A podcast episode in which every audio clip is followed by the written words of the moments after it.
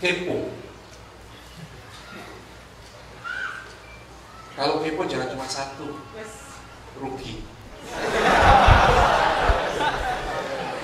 Nah, maksud saya begini, ikhwan dan akhwat yang dimuliakan Allah, cara mengenal yang ma'ruf bukan dengan cara seperti itu. Saya ditanya, apa sih kriteria agama seseorang disebut baik sehingga kita menjadikannya pertimbangan untuk menerima dia atau menolak dia?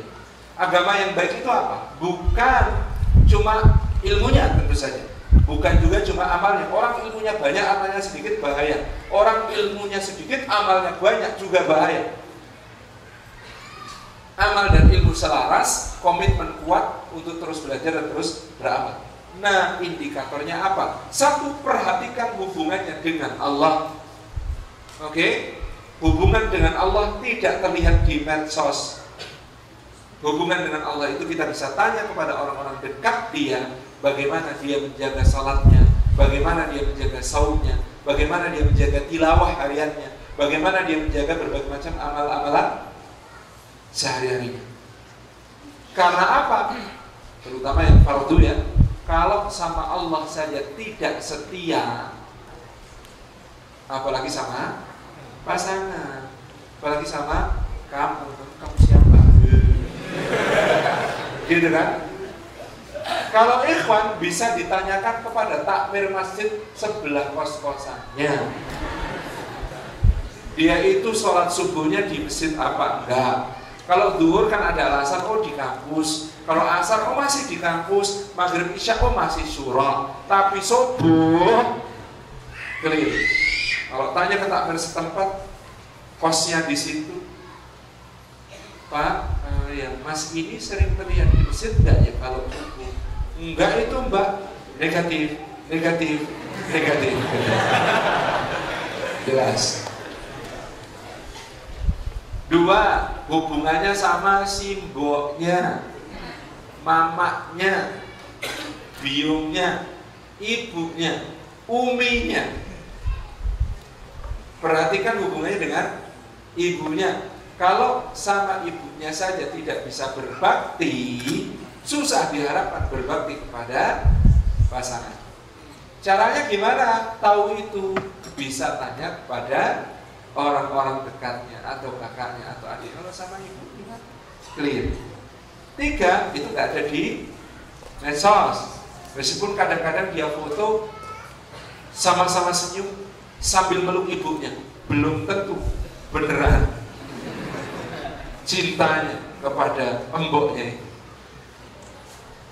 Yang ketiga hubungannya sama teman sebaya. Ini bisa tanya teman-temannya kalau ngomong bener apa enggak, bisa dipegang janjinya apa enggak, kalau kemudian ngutang bayar apa enggak, apa ngemplang gitu ya. Itu kalau dikasih rahasia bisa jaga apa enggak, apa malah bocor, kalau ada gosip suka gabung apa enggak, apa malah biangnya. Ini bisa tanya kepada temennya. Yang keempat, hubungannya sama anak kecil kalau sama anak kecil akrab, asik, deket, ah calon ibu yang baik, calon bapak yang baik. Karena itu calon suami dan calon istri yang baik biasanya ngajar TPA dan TPQ.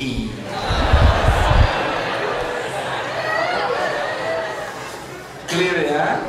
Nah, itu yang disebut sebagai agama daripada kepo di anda itu kepo di Instagram, dapatnya paling gitu ya. Anda nggak dapat sisi-sisi ilmu yang sangat diperlukan di tadi. Yang Anda dapat paling, eh ternyata jilbabnya nggak simetris. Hasil kepo di Instagram itu ternyata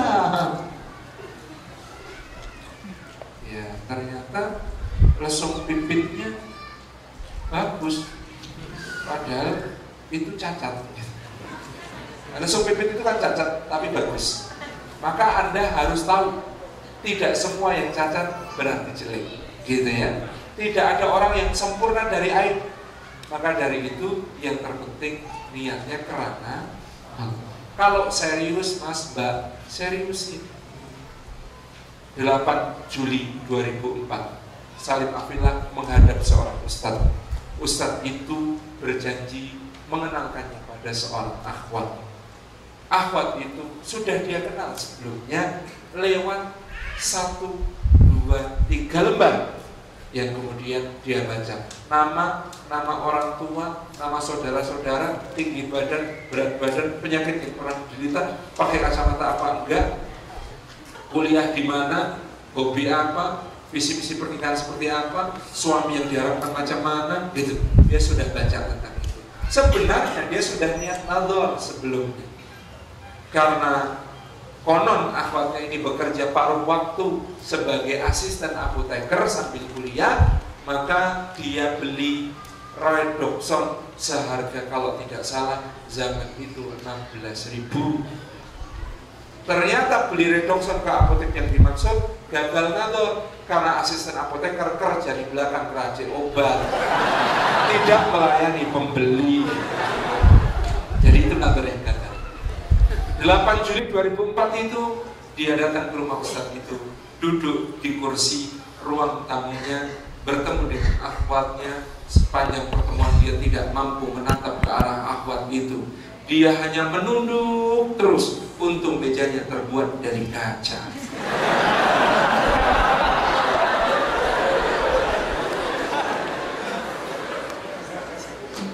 12 Juli 2004 pertemuan kedua mereka saling bertanya, apa visi misi Anda tentang pernikahan ini? Seperti apa proyeksi nafkah ke depan? Seperti apa proyeksi tempat tinggal?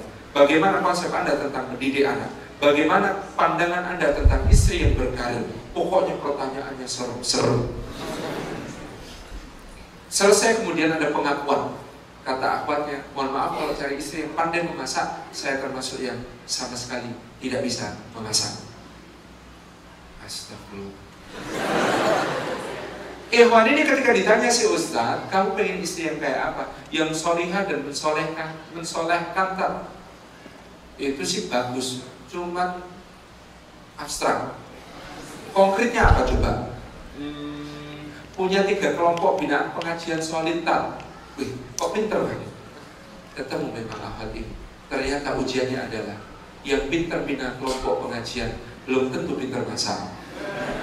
Ya Allah, engkau mengujiku. Aku kita minta yang soleha. Ternyata nggak bisa masak. Apakah kau mengujiku ya Allah?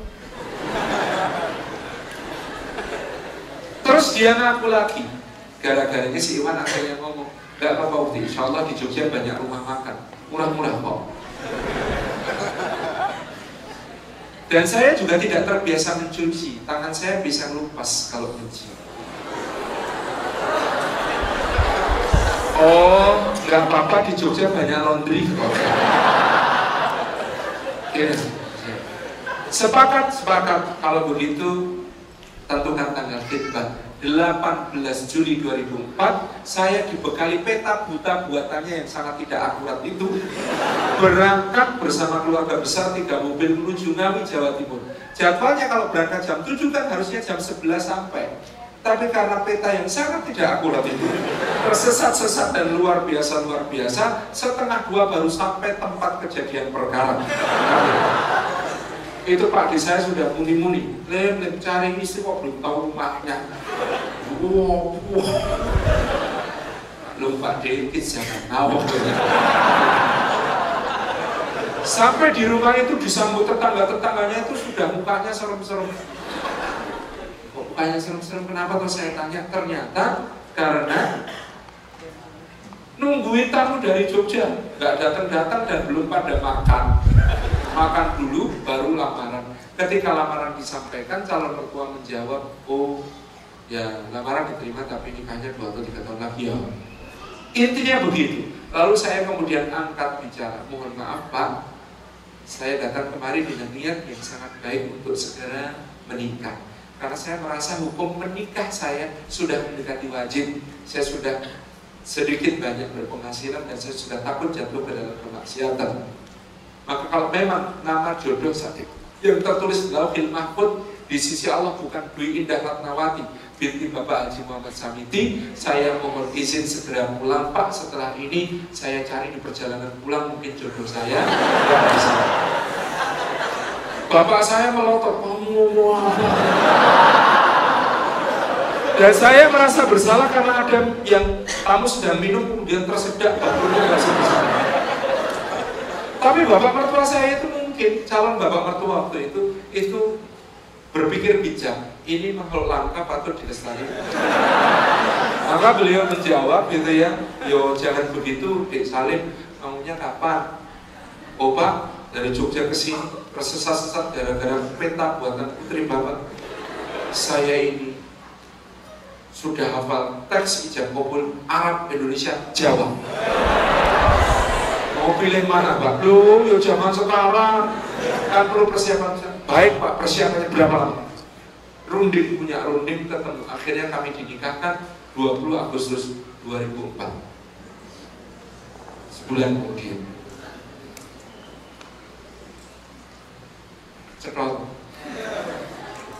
Kepo. Gak ada gunanya kepo. Karena hidup menikah dengan prasangka baik kepada Allah dan prasangka baik pada pasangan banyak kejutannya. Dan kalau banyak kejutannya Anda bisa bayangkan asyiknya kalau terlalu banyak kepo nggak terkejut nanti. Kalau nggak terkejut cuma gitu